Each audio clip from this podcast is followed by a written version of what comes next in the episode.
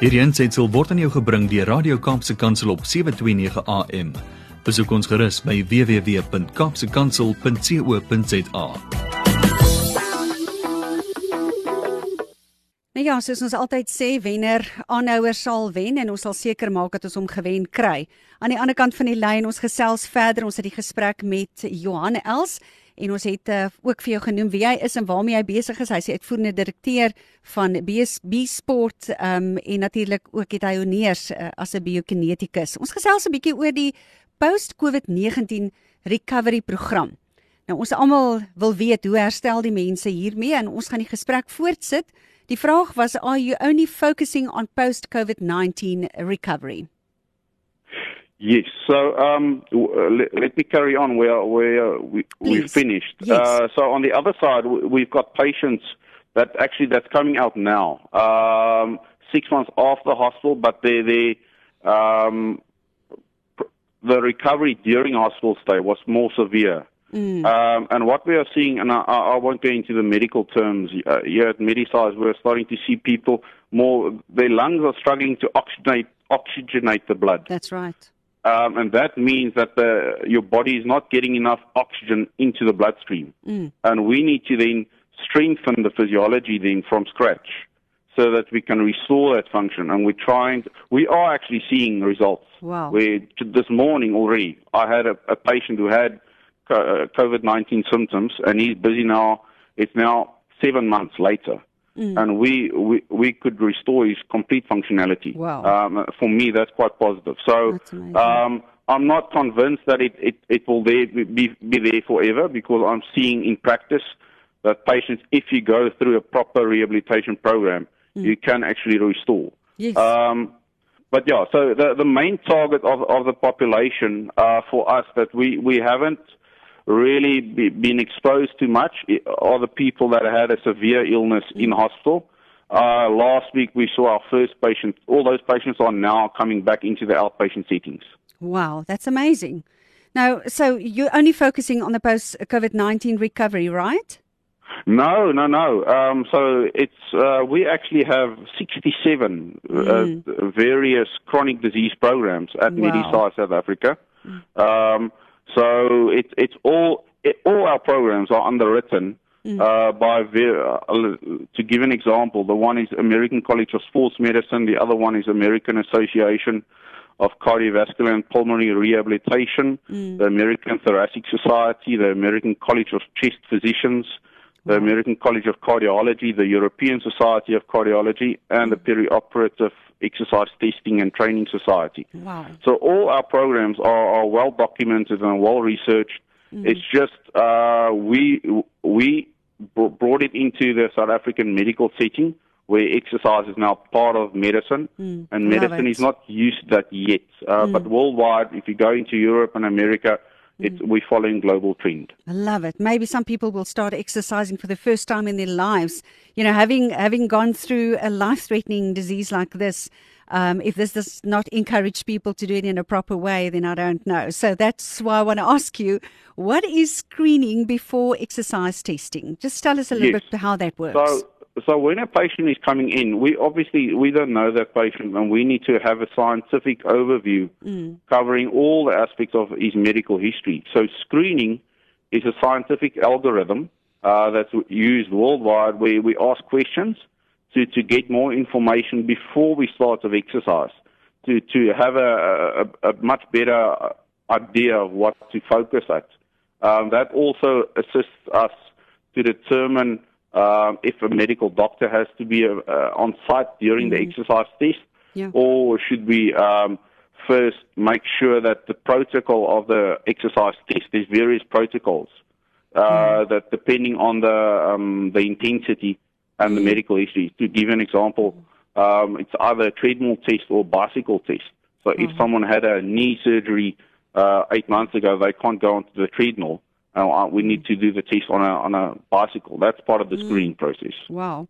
Now you've mentioned a huge word. Look, I've, I have no idea what it means, but you mentioned cardiopulmonary exercise testing. Tell us about that.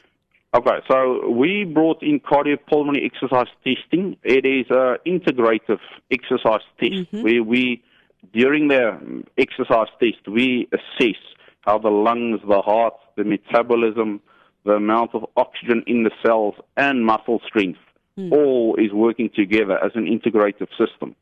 So this is very new for South Africa. Uh, mm. I've been using this for a few years already in Europe and America, but South mm. Africa is not uh, informed about this at all. It's the only objective scientific comprehensive assessment that wow. you can uh, do on a on a on a mm. uh, human on a human being mm. to to identify where are the impairments, physiological mm. impairments during exercise. I love the the fact that we uh, we don't even know what the results in a few years.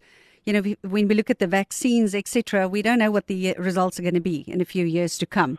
But oh, if you if you follow this uh, this um, post COVID treatment, uh, I mean this this is something that's natural. It's uh, it's just in many many other ways. It's also building the body up. Um, and especially with exercise, that's one of the most important things uh, when it comes to being a fit person. Many people say, you know, if you have a certain amount of fitness, you're already in a better position than what you would have been if you uh, just a potato couch, as they as they uh, call some of us. And I'm exactly. one of those.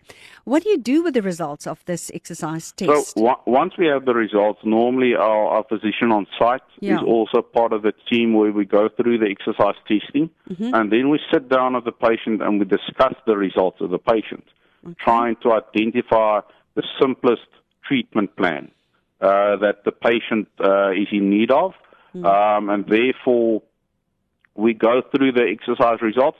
Normally, the high risk or the, the patients identified at risk where there's abnormalities, for instance, during the exercise test, it's uh, first of all, the doctor has to make the call to, do we have to refer the patient back to hospital? Mm. If not, then we can start the rehabilitation process, mm-hmm. where the patient is then on our, we have a cardiac rehabilitation system where we have advanced technology from Germany where they exercise of ECG monitoring. Yeah. And we then uh, can d- manipulate the intensity of the exercise uh, program based on the results mm-hmm. to monitor uh, how the heart is responding during exercise until the patient is stabilized and ready to start exercising on their own. Wow. Now, how does the process work during rehabilitation after the exercise test? So exactly like I, like I explained now. So once we, if, if for for instance someone has to start the rehabilitation, then we have various. I won't go into a lot of detail, but after the results, it's based on heart rate zone training, what yeah. they call, and we first of all have to identify the point. We call it the anaerobic threshold, mm. where the heart and the lungs are struggling to provide enough oxygen. Okay. And the body has to move across and start using carbohydrates as well mm. because the heart and the lungs are struggling to supply enough oxygen.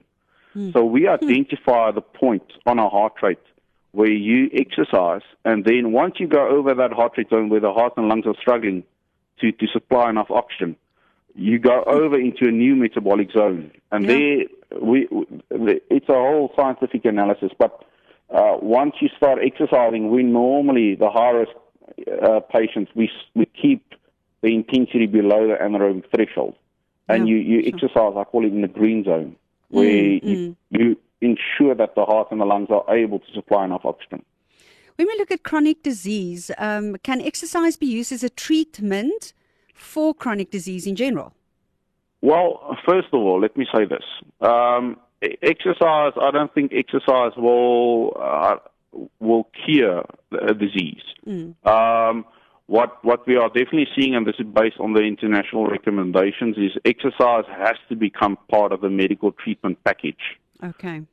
The focus, therefore, is more managing of the disease. We're not going to get rid of the disease, but we can still manage the disease yes. and increase quality of life. Mm-hmm. So you can you can live with the disease, but you can rather focus on increasing oxygen in, uh, supply and increasing oxygen consumption, and your quality of life will be much much higher, mm-hmm. and you will f- live uh, for a longer period where there's less complications of chronic disease. Yeah. Wow. Love this information that we're getting. I wish I can speak to you for hours on end, but we've got a few minutes left still. Lastly, how do you, as a believer in Christ, see your role as the founder of Medisize South Africa on a planet Earth? Well, um, well, uh, let me put this way for the listeners out there. Seven years ago, um, I started uh, focusing on one disease, and that mm. was cancer. And I got this so well. Um, uh, we started I started Medisize focusing on cancer. Mm-hmm. And then the more I, I, I worked in research, I realized that there's 66 chronic diseases that are in need of exercise uh, prescription and testing. Mm-hmm. And then right at the end, when we were up and running, the 67th program became the most important one. And I did not plan for that. And that was COVID 19. Yeah. And that for me just shows me how the Lord back in the day, seven years ago, he planned for COVID 19 seven years ago. But he told me back then I had to focus on cancer. Yeah. And then because I started trusting him and I started working onto this, he opened up a whole new world and 66 new programs. And then oh. right at the end, he brought out this whole new world where COVID 19 was actually the main one, the 67th one. So for hmm. me, it, it, it just what, what I can tell the listeners, never despise the day of small beginnings. Yeah, amen. The Lord will never ask mm. you to do something. Wow. If he if he does not have a plan already, seven years later. Mm. So the the listener might be sitting there at home, and the Lord is speaking to him now and saying, "Listen, you need to do something now." Mm. And it's small now, but you don't know how it will grow into in seven years from now. Sure. And if you just listen to him and graft and do your work, wow. he will open doors for you that is impossible mm. for a human being. So for me, to answer your question, um, I'm very excited because I believe the Lord has kept exercise as one of his secret weapons mm-hmm. for medicine. Absolutely. And uh, medicine does not have a clue how mm. the human body functions um, all of us, myself included, the more I work with this, the more I just see the detail how the Lord has made a human being. And we, there are so much information that we still have to do. There's lots more coming. uh, I don't know what that is, but I can tell you um, the Lord is in control. Yep, we serve a God of miracles and wisdom and science. Sorry, we sometimes become so spiritually that we forget. we forget that science is a reality and we cannot ignore that. What can a listener do who does not have access to your facility? Well, first of all, like Prof. Larry in the USA always tells me and all these other listeners, uh, start walking. Start mm-hmm. walking. Walking is the most effective exercise. Yeah. It's free. You can do it wherever. If you have to walk from uh, your residing home to work, that's a blessing. Uh, in disguise um, because your body is being assisted to, to increase oxygen supply and oxygen consumption. Secondly, they can, all, if someone has access to the internet, they mm-hmm. can go to the our website. It's www.medisizesa.co.za. They can just click there, contact us, and they can just uh, they if they have inquiries, they can just type there, and we, we'll get back to them. Okay, fine. Let's just get that address going. How can listeners contact Medisize South Africa again? So it's www.medisizesa.co.za. Yes. Or if they want to phone us, they can also phone us. It's okay. 021 yes. 852 yes. 9793. Okay, there we go. I'm going to just repeat that quickly. Um, if you only grabbed your pen now, you know that this is a program where we give a lot of contact details because we want to serve our listening community. The number is 021 852 9793 or visit medisize.co.za. It's Medisize with a C at the end. Sorry, mm. Wanda, mm. it's just medisizesa.co.za. We just had to, um, so it's medi, the, the address is medisizesa.co.za. There we go. Thank you so much for that one. Hopefully everybody uh, took notice of that now. So here we go. It's medisizesa.co.za en die nommer is 0218529793 Baie baie dankie Johan. Ons het nou sommer 'n lekker klompie inligting en insig gekry. Ons waardeer jou tyd. Thank you so much for all our English uh, for accommodating our uh, English speaking listeners. It's a lot to uh, speak about this morning, but I'm sure we're going to have a lot of feedback from people who has gone through this program and said I've learned from COVID-19, I've learned the following, but I've also gained a new mindset in terms of exercise and uh, living a healthy lifestyle. Thank you so much, Johan. Be blessed. Thank you, Wanda. All the best. Goodbye. Bye. Nou toe mense, daai het julle dit, nê? Nee? Kry daai oefenfietsie uit die garage uit en stof hom af en begin oefen en begin gesond leef want dit klink vir my die ouens hier het 'n klomp navorsing agter die blad en hulle weet waarvan hulle praat. So daai nommer net vinnig weer 021 852 9793. Die lekker ding van hierdie mense is, hulle doen toetse en hulle maak seker dat jy uh betrokke raak by oefening of enige van hierdie goed en jy is post COVID-19 dat jy steeds op 'n goeie gesonde pad is is belangrik. Partykeer voel dit vir 'n ou so half nou het ek 'n streep getrek deur my hele oefenprogram en dit klink vir my hierdie ouens het dan wel ook 'n oplossing. Hierdie ensitsel is aan jou gebring deur Radio Kaapse Kansel op 729 AM. Besoek ons gerus op www.kaapsekansel.co.za.